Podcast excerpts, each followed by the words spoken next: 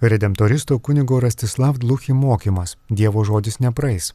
Įrašas iš atsinaujinimo dienos renginio. Garbė Jėzui Kristui, aš esu iš Slovakijos, mano vardas Rastislavas, aš esu kunigas, redemptoristas, vienuolis, misionierius.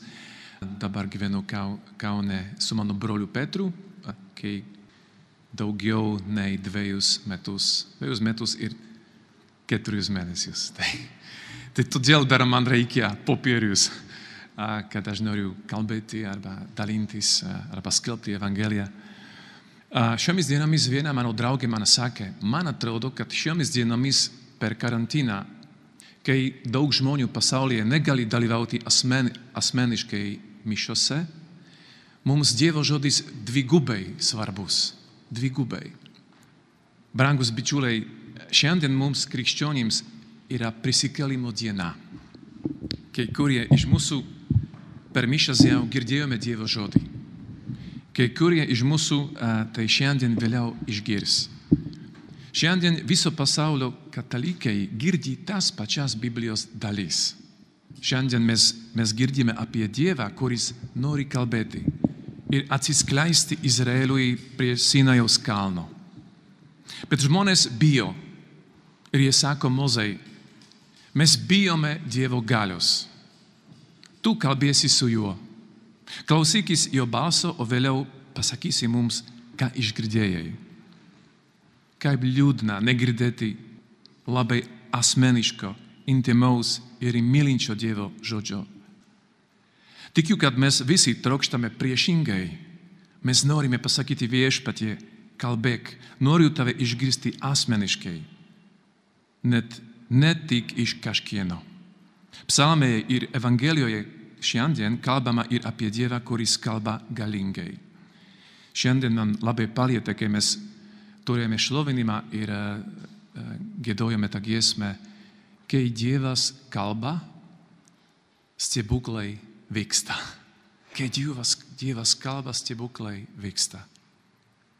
Kaip tinka apmastyti Dievo žodį švento Juozapo metais.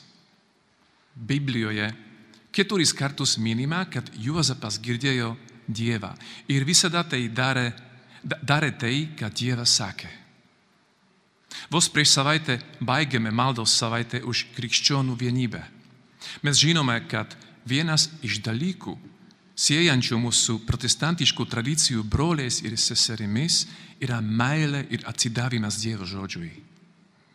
Taip pat vos prieš savaitę šventėme Dievo žodžio sekmadienį, kaip jūs, kaip Rūta pasakė mūsų susitikimo pradžioje. Popiežius Pranciškus labai trokšta ir svajoja, kad Dievo žodis, Dievo žodžio klausimasis, skaitimas, meditavimas ir dalymasis juo būtų visus metus trunkantis įvykis. Ne tik vieną dieną, vienus metus trunkantis įvykis. Taip pat norėčiau priminti mums visiems, kad bažnyčia paskutinėme Vatikano susirinkime daug mąstė apie Dievo žodį. Ir parengė nuostabų dokumentą pavadintą Dei Verbum - Dievo žodis. 2008 metais Romoje įvyko viskupų sinodas apie Dievo žodį. Po dviejų metų popiežius Benediktas apibendrino sinodo vaisius paraginimu Verbum Domini. Galbūt galvojate, kad noriu tik pacituoti tuos dokumentus. Tikrai ne. Tik norėjau pasakyti, kad šie nuostabus ir galingi dokumentai yra ir lietuvų kalba. Ir labai norė, norėčiau padrasinti jūs perskaityti juos šiais metais, kad mes, kai mes apmastome šventąjį Juozapą, kuris buvo klausantis ir paklusnus žmogus. Tai ir šventosios šeimos metai, kurie prasidės kovo 19 dieną. Tai bus tinkamas laikas, kad galėtume apmastyti šeimą, kurioje gyveno įsikūnijęs Dievo žodis. Mūsų bažnyčia jau išgyveno daug krizių ir atsinaujinimo laikotarpiu įdomu pastebėti, kad Dievas visada pažadina pranašus ir šventuosius, kurie visada grįžta prie Evangelijos esmės. Mūsų gyvenamas laikotarpis yra krizės laikotarpis. Koronavírusas nėra mūsų vienintelė problema bažnyčioje ir pasaulyje. Šiais laikais mums tikrai reikia atnaujinti mūsų tikėjimą. Šventasis Tomas Akvinietis sakė, kad tikėjimas yra ianua vite spiritualis. Tai reiškia, kad tikėjimas tai vartai į dvasinį gyvenimą. Tai tiesa. Bet nes be tikėjimo Eucharistija sakramentais bažnyčia neturi prasmės. Todėl tikėjimas yra vartai į visus tuos dalykus. Bet šventasis Paulius eina toliau ir sako, kad tikėjimas gimsta iš klausimosi. Fides et ex auditu. Tikėjimas iš klausimosi. Tikėjimas negimsta tiesiog kažkaip dvasiškai, jo pagrindas nėra tik patirtis. Tikėjimas gimsta iš klausimosi. Mums visiems reikia išgirsti, girdėti, įsiklausyti. Pirmiau išgirsti, po to skelbti. Todėl antrasis Vatikano susirinkimas sako, kad svarbiausia kunigo tarnystė ir pareiga pirmum oficium, svarbiausia tarnystė yra skelbti Evangeliją. Aš niekada nepamiršiu, ką sakė buvęs ir pas viešpatį jau iškeliavęs Čikagos kardinolas George. Jis sakė, bičiuliai, nepamirškite, kad bažnyčios pradžioje nebuvo jokių institucijų, jokių parapijų, jokių bažnyčios ligoninių, bažnyčios mokyklų, universitetų, bet buvo skelbėjų. Buvo tų, kurie skelbė Dievo žodį. Man atrodo, kad šie žodžiai tai raktas į naują evangelizaciją. Nes gyvename laikotarpiu, kuriame labai daug žmonių pamiršo, ką reiškia būti krikščionimis. Iš esmės, jie pamiršo, kas yra Evangelija. Gal ir truputį kažką prisimena, bet tik miglotai. Jeigu mūsų pagrindinis rūpestis bus išlaikyti bažnyčią kaip instituciją ir jeigu pamiršim skelbti žodį, tai tikėjimas nebegims žmonių širdise ir išnyks dvasinis gyvenimas.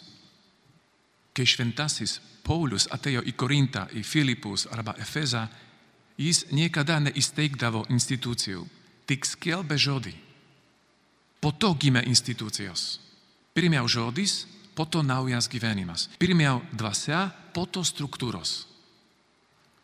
Vienas iš esminių dalykų krikščionims yra faktas, kad šventojo rašto Dievas yra Dievas, kuris kalba. Mūsų Dievas nėra tik kažkoks tolimas principas arba kažkokia neaiški visatos pradžios priežastis arba kažkokie paslaptingi gyvenimo užkulisiai. Dievas yra būtybė, kuri kalba ir mums apreiškia, ką turi širdyje. Dievo žodis yra ir galia. Didžiausias protestantų praeito amžiaus teologas Karlas Bartas sakė, kad pats svarbiausias žydų ir krikščionių tikėjimo bruožas gali būti apibūdinamas fraze Deus dixit. Dievas prabilo. Tas faktas daro mūsų tikėjimą ypatingą ir originalų. Tarp kitko, Karlas Bartas, teologas, išplėtojo savo treibės teologiją iš šio sakinio. Jeigu Dievas prabilo, turi būti tas, kuris kalba ir žodis, kuris ištariamas. Tai kuris kalba, kuris prabilo yra tėvas, o žodis, kuris buvo pasakytas, yra sūnus. Bet jeigu tas žodis turi būti išgirstas ir supra, suprastas, mums reikia interpretacijos principo. Tai yra šventoji dvasia kokiu būdu šventajame rašte kalba Dievas. Jo žodis visada būna galingas. Dievas ištaria žodį ir tai įvyksta. Šventasis Tomas Akvinietis sako, kad yra skirtumas tarp Dievo ir mūsų, kai kalbam. Nes žmogus dažniausiai apibūdina, paaiškina. Pavyzdžiui, aš dabar galiu jums paaiškinti, apibūdinti, kaip atrodo kambarys, kuriame dabar esu kiek čia žmonių, kėdžių, ar čia šalta, ar čia šilta. Bet kai Dievas kalba, jis savo žodžiais kūrė realybę. Jo žodis yra kuriantis ir kūrybingas. Šventojo rašto pradžioje girdim, kad Dievas ištarė žodį ir tai įvyko. Atsirado žemė, atsirado dangus, atsirado medžiai, atsirado žmonės. Tai puikiai išreiškia pranašas Izaijas 55 skyriuje, 10 ir 11 eilutėse. Nes kaip lietus ir sniegas nukrinta iš dangaus ir negrįžta atgalios, kol nepalaisto žemės, kad diktų ir želtų joje augalai, kad neštų sėklą sėjėjui ir duona alkanam, taip ir žodis išeinantis iš mano burnos. Jisai nesugrįž pas mane bergščias, bet įvykdys, ko trokštų ir atliks, ko siūstas. Dievo žodis yra tarsi lietus, kuris net dykumą be gyvybės paverčia gyvenimo sodu. Laiške žydams, ketvirtame skyriuje, šešiolikttoje eilutėje sakoma, Dievo žodis yra gyvas, veiksmingas, aštresnis už bet kokį dviašmenį kalaviją. Jis prasiskverbia iki sielos ir dvasios atšakos, iki sanarių ir kaulų smegenų ir teisė širdies sumanimus bei mintis. Jėzus mums priminė, koks galingas yra jo žodis, kai savo gyvenime jo klausomės ir jį priimame. Mato Evangelijoje 13 skyriuje išklausome palyginimą apie sėjėją. Jėzus sako, kad jo žodis yra kaip sėkla ir gavęs ją gali duoti daug vaisių. 30 teriopai, 60 teriopai ir 100 teriopai. Šventasis apaštalas Petras, pirmasis popiežius, primena tikintiesiems Dievo žodžio galę savo pirmajame laiške. Jūs esate atgimę ne iš pranykstančios, bet iš ne, nenykstančios sėklos gyvų ir pasiliekančių Dievo žodžių. Mat kiekvienas kūnas tartum žolynas. Ir visa jo garbė tarsi žolino žiedas. Žolinas sudžiūsta ir žiedas nubyra. Tik viešpaties žodis išlieka per amžius. Toks yra žodis paskelbtas jums kaip geroji naujiena. Tai pasakė pirmas, pirmasis popiežius Petras, apaštalas. Iš jaudinančio šventojo Pauliaus, kuris skelbė Dievo žodį, bet kurioje vietoje gyvenimo sužinome, kad jis pasitikėjo Dievo žodžio gale, kuri auks krikščionių gyvenime. Prieš paskutinę kelionę į Jeruzalę jis atsisveikino su savo draugais iš Efezo, kurie dar kartą atvyko į Miletą, norėdami pamatyti jį ir pasakyti paskutinius gerus žodžius. Paulius sako, žinau, kad man pasitraukus įsibraus pas jūs žiaurių vilkų, kurie nepagailės kaimenės. Net iš jūsų atsiras tokių, kurie klastingomis kalbomis stengsis patraukti paskui save mokinius. Todėl būdėkite ir nepamirškite, jog aš per trejus metus dieną ir naktį, nepaliaudamas su ašaromis, įspėjinėjau kiekvieną. O dabar, o dabar, pavedu jūs Dievui ir jo malonės žodžiui, kuris turi galę jūs išžugdyti ir duoti paveldėjimą tarp visų pašvestųjų. Jėzaus žodis iš tikrųjų turi galę padaryti mus šventus. Puikus žydų teologas ir filosofas Abraham Joshua Heschel nuostabiai aprašė, ką Dievo žodis padarė su Abraomu Dovydu ir visais pranašėjais. Jis sako, kad Dievo žodis juos pakelia, pradžiugino, išgazdino ir įsijunta į pasaulį su tam tikra misija. Pakelia, pradžiugino, išgazdino ir įsijunta į pasaulį su tam tikra misija. Visi žmonės, kurie išgirdo Dievo žodį, apie jį, apie jį nesvarstė, jo nevertino taip, kaip tai darytų filosofai. Jiems Dievo žodis ne tik kažkas įdomiaus. Jobas, Dovydas, Moze nemastė apie Dievo žodį taip, kaip tai būtų daręs Sokratas. Jie buvo Dievo žodžio pakelti, pradžiuginti, išgastinti ir išsiųsti. Jų pasaulis sudrebėjo ir pasikeitė.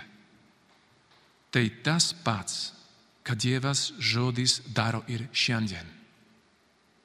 Šis žodis hebrajiškai yra dabar Jahve. Lietuviškas žodis dabar reiškia hebrajiškai žodis. Ar jūs tai žinot? Žinojot? Dabar, tas žodis, dabar reiškia žodis hebrajiškai. Kaip, kaip smagu, nes tai labai panaši reikšmė. Šis žodis dabar Jahve tai yra kuriantis žodis.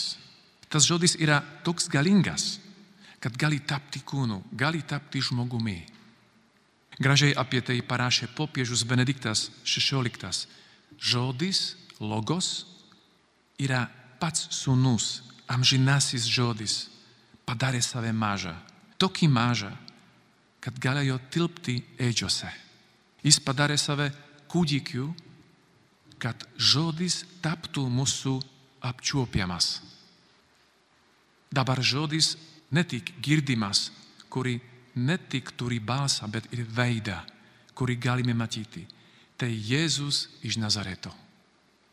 Įsikūnijęs Dievo žodis, Jėzus Kristus, nebuvo tik vienas iš filozofų arba religinių mokytojų. Jo žodis reiškia galę.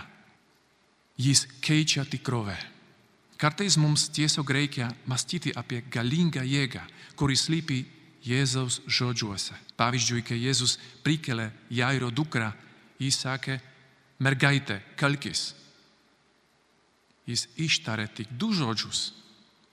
Nors Naujasis testamentas parašytas graikų kalba, ši frazė palikta aramėjų kalba. Talita kum. Tokie svarbus tie žodžiai buvo.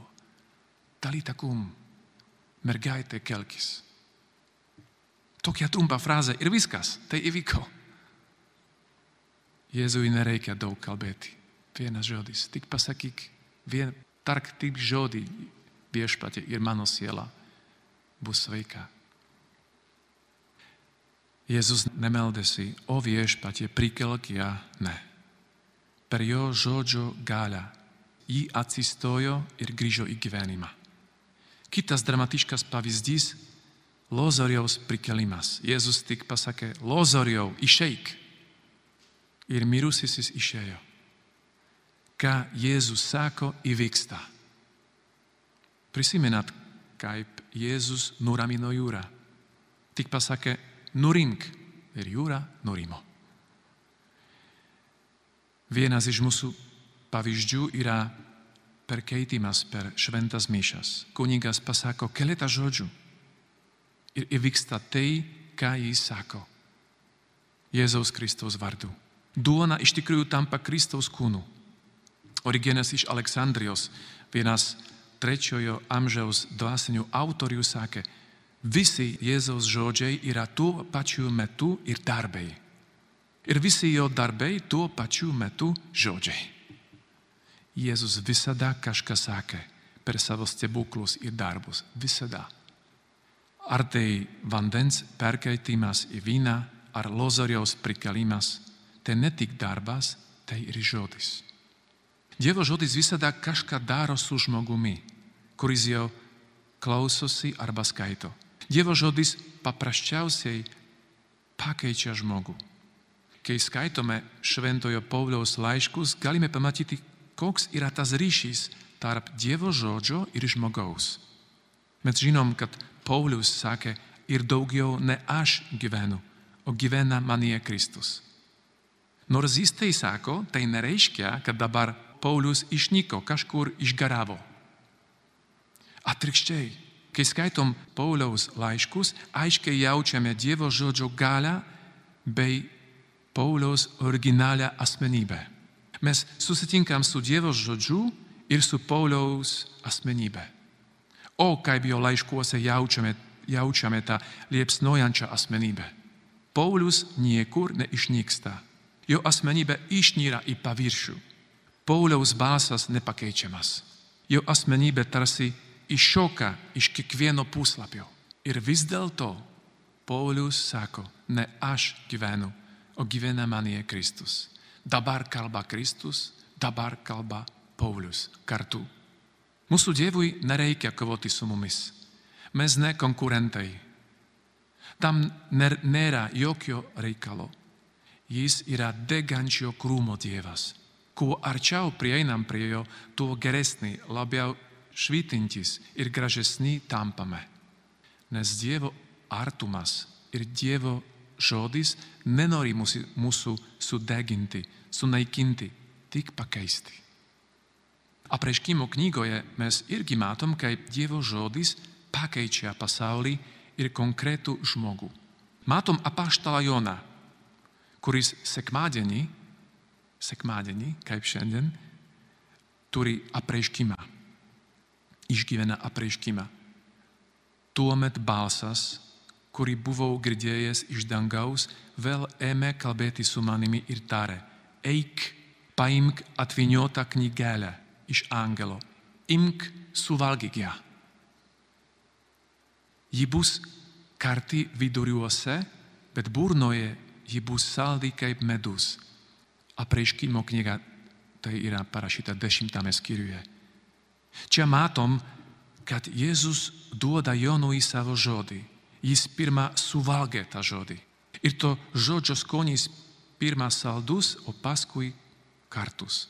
Ir Dievo žodis mums nusidėjėlams visada yra ir saldus, ir kartus. Tai geroji naujiena, bet ji kartu kviečia į atsivertimą.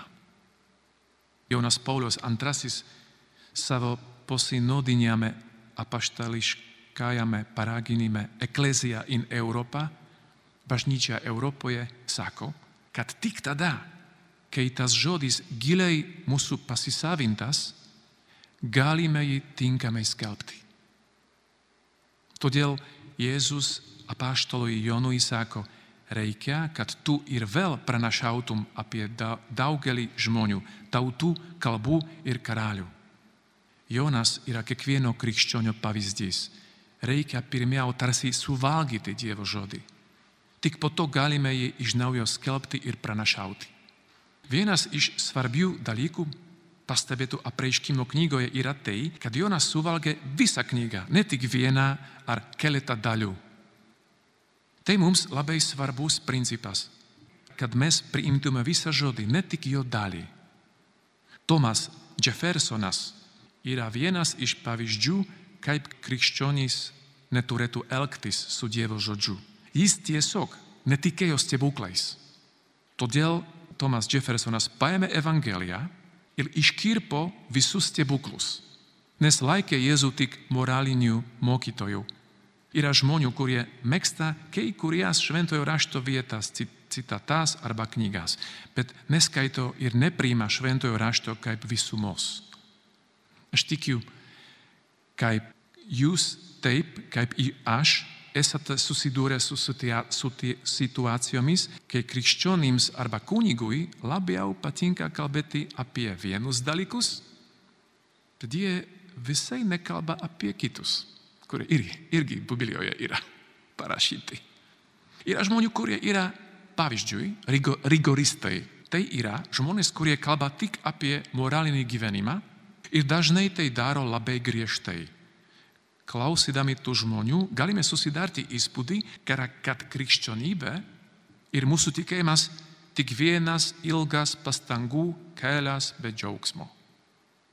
Tarp tų žmonių, kurie yra rigoristai, atsiranda nemažai tokių, kurie smerkia tuos, kurie nesugeba gyventi pagal Evangeliją. Bet taip pat yra žmonių, kurie visiškai nekalba apie moralę. Tik apie Dievo meilę, gailestingumą, apie tai, kaip visus, visus reikia priimti, bet jie niekada nekviečia žmonių į atsivertimą. Kai skaitome šventą įraštą, giliau ir giliau suvokiame, kad tai yra geroji naujiena kviečianti žmonės į atsivertimą. Gal šiandien galime paklausti savęs, ar mes esame visos Evangelijos žmonės. Krikščionys ir katalikai yra motinos bažnyčios vaikai, kurie valgo viską, ką motina padeda ant lėkštės. Valgo visus patiekalus, ne tik ar ne tik desertą. Viskas suvalgoma. Kalbant, kalbant apie Bibliją, mes norime perskaityti visą Bibliją. Kai esame šventose mišiose, Dievo žodžiu laikome kiekvieną žodį perskaitytą iš šventojo rašto. Prisimenu, kai sutikau žmonės, kurie sakė, bet tėve, aš nesuprantu šios Biblijos vietos. Tai labai neaišku, sudėtinga, paslaptinga. Tos akimirkos man primena rašytojo Marko Tveno žodžius. Jis sakė, ne neaiški ir tarsi užtemdyta biblinė ištrauka mane vargina. Tai, kas yra krikštolo skaidrumo, tai mane trikdo. Jei tik ištikimai gyventume tomis Biblijos ištraukomis, kurias supratome, dabar būtume visi šventieji. Biblijoje yra daug vietų, kurias girdim, pavyzdžiui, mišiose, kurios labai aiškios.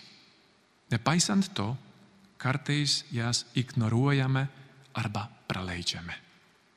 Kartais mes Bibliją laikome pasakų knygą.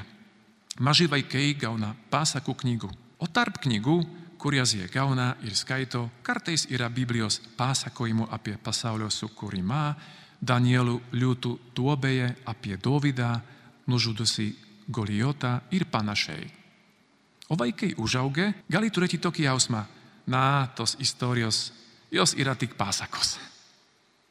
Bet kai perskaitome tas Biblijoje esančius istorijas dar kartą, jau būdami suaugę, suprantame, kad tai rimtas reikalas.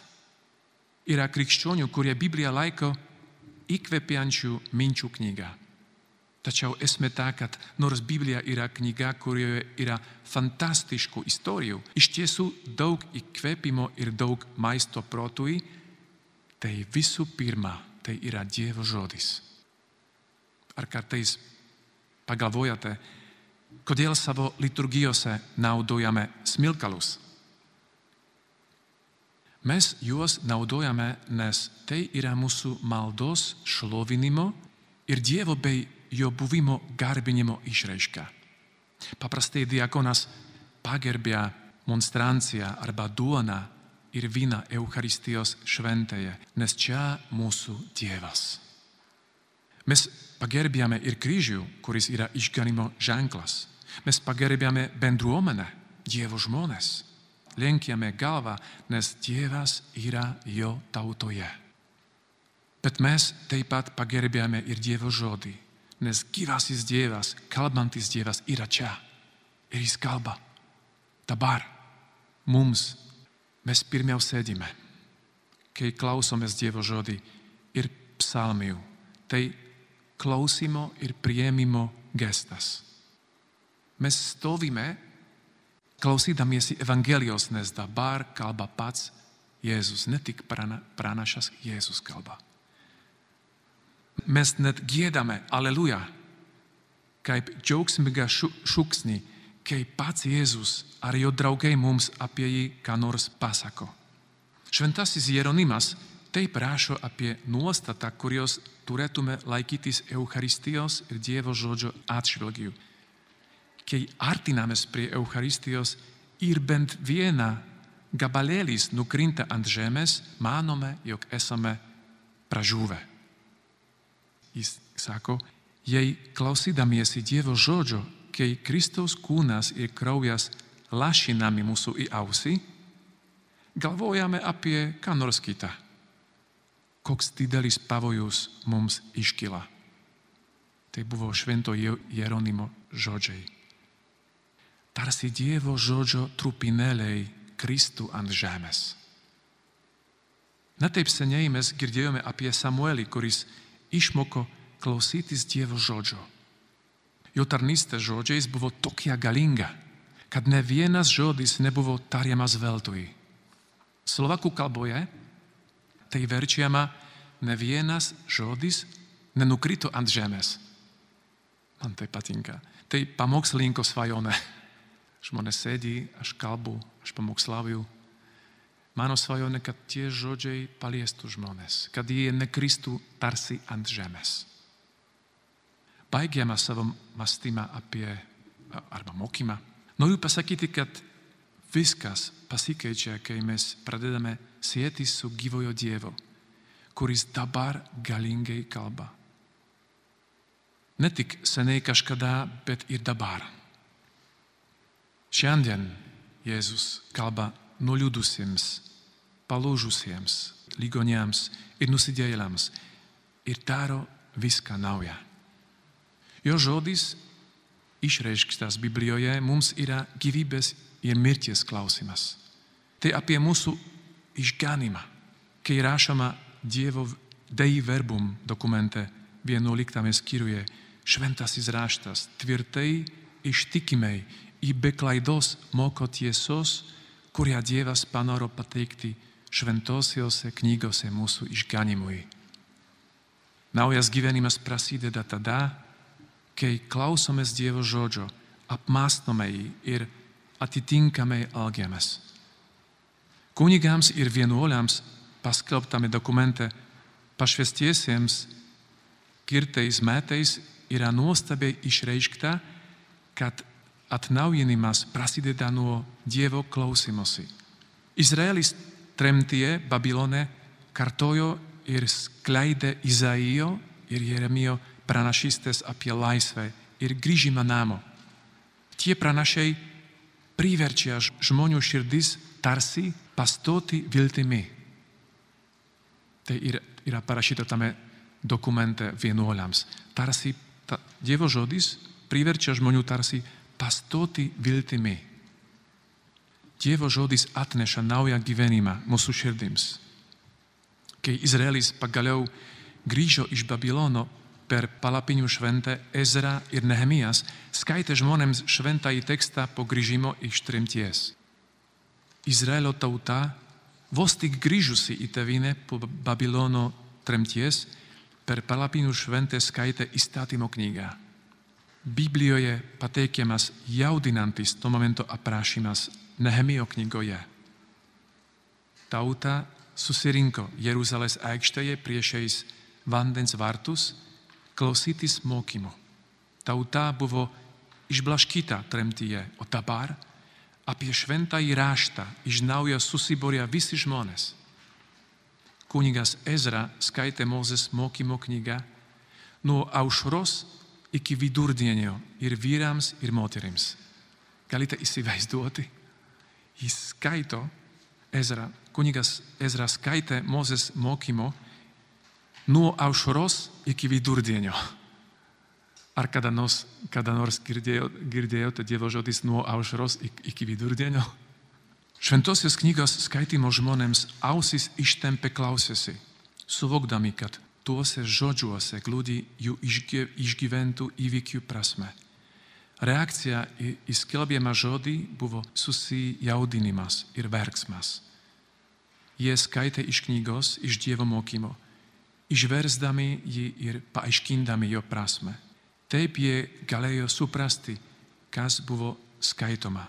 Valdytojas Nehemijas, kunigas, rašto žinovas Ezra ir Levitai, aiškindami žmonėms visiems jiems sakė, šį dieną yra šventa viešpačiu jūsų Dievui. Neliūdėkite ir neverkite. Mat girdėdami mokymo žodžius žmonės verkė. Nebūkite liūdni, nes džiugesis viešpatie yra jūsų stiprybė. Te būna Dievo žodis mūsų dvasia ir gyvenimas. Linkiu jums visiems patirti, kad Dievas savo žodžiu sukūręs pasaulį, kuria mumise ir aplink mus naują pasaulį. Labai dėkojame kunigui Rastislavui. Aš kviečiu, kad mes ne tik tai vat, išklausytumėm konferenciją, bet jau ir dabar širdį nešiotumėm tą frazę, kokį nors sakinį, mintį, kuri jau mus palėtė per kunigo Rastislavo kalbėjimą. Na pavyzdžiui, aš užsirašiau tokią mintį, kai Dievas kalba, jis savo žodžiais kūrė. Kai Dievas kalba, jis savo žodžiais kūrė. Gyvųjų akmenų bendruomenėje, kai susirenkame, ar didesniai grupiai, ar mažesniai, ar net branduoly, vis vienas kitą pradžioje po maldos raginame tokiu klausimu, ką kalba Dievas. Taip atrodo, nu, keistas klausimas, bet būtent Norime atpažinti, ką į mūsų širdis, į mūsų gyvenimą kalba Dievas ir tuo pasidalinti. Kartais koksai žmogus sako, man nieko nekalba. Tada galbūt pasvarstyk, o ką jisai kuria, ką jisai daro tavo gyvenime, kas vyksta. Nes ką Dievas kalba, tą jis ir daro. Tai va ir labai vertinga yra, nes kai dalinamės, tada ir labiau atpažįstam. Ir kartais būna taip, kad žmogus sako, ai nieko man nekalba. Bet paskui pradeda kalbėti, kas vyksta jo širdį, kas vyksta jo gyvenimo aplinkybėse, kokie Dievo pagalba jis atpažįsta ir žiūrėk, jisai ir supranta, kaip Dievas jam kalba ir kaip jisai veikia. Ir tai yra labai nuostabu. Ir ypač, kai pasidalini tuo, tai dar viskas aiškiau, dar viskas gyviau. Ir tada tai tampa mūsų gyvenimo tikrovė ir tokia nauja dinamika, ir džiaugsmas, ir ramybė, ir tas Dievo žodis tikrai tampa pamatu. Tai labai dėkojame kunigui Rastislavui už jo konferenciją. Girdėjote redemptoristo kunigo Rastislav Dlūchį mokymą Dievo žodis nepraeis, įrašas iš atsinaujinimo dienos renginio.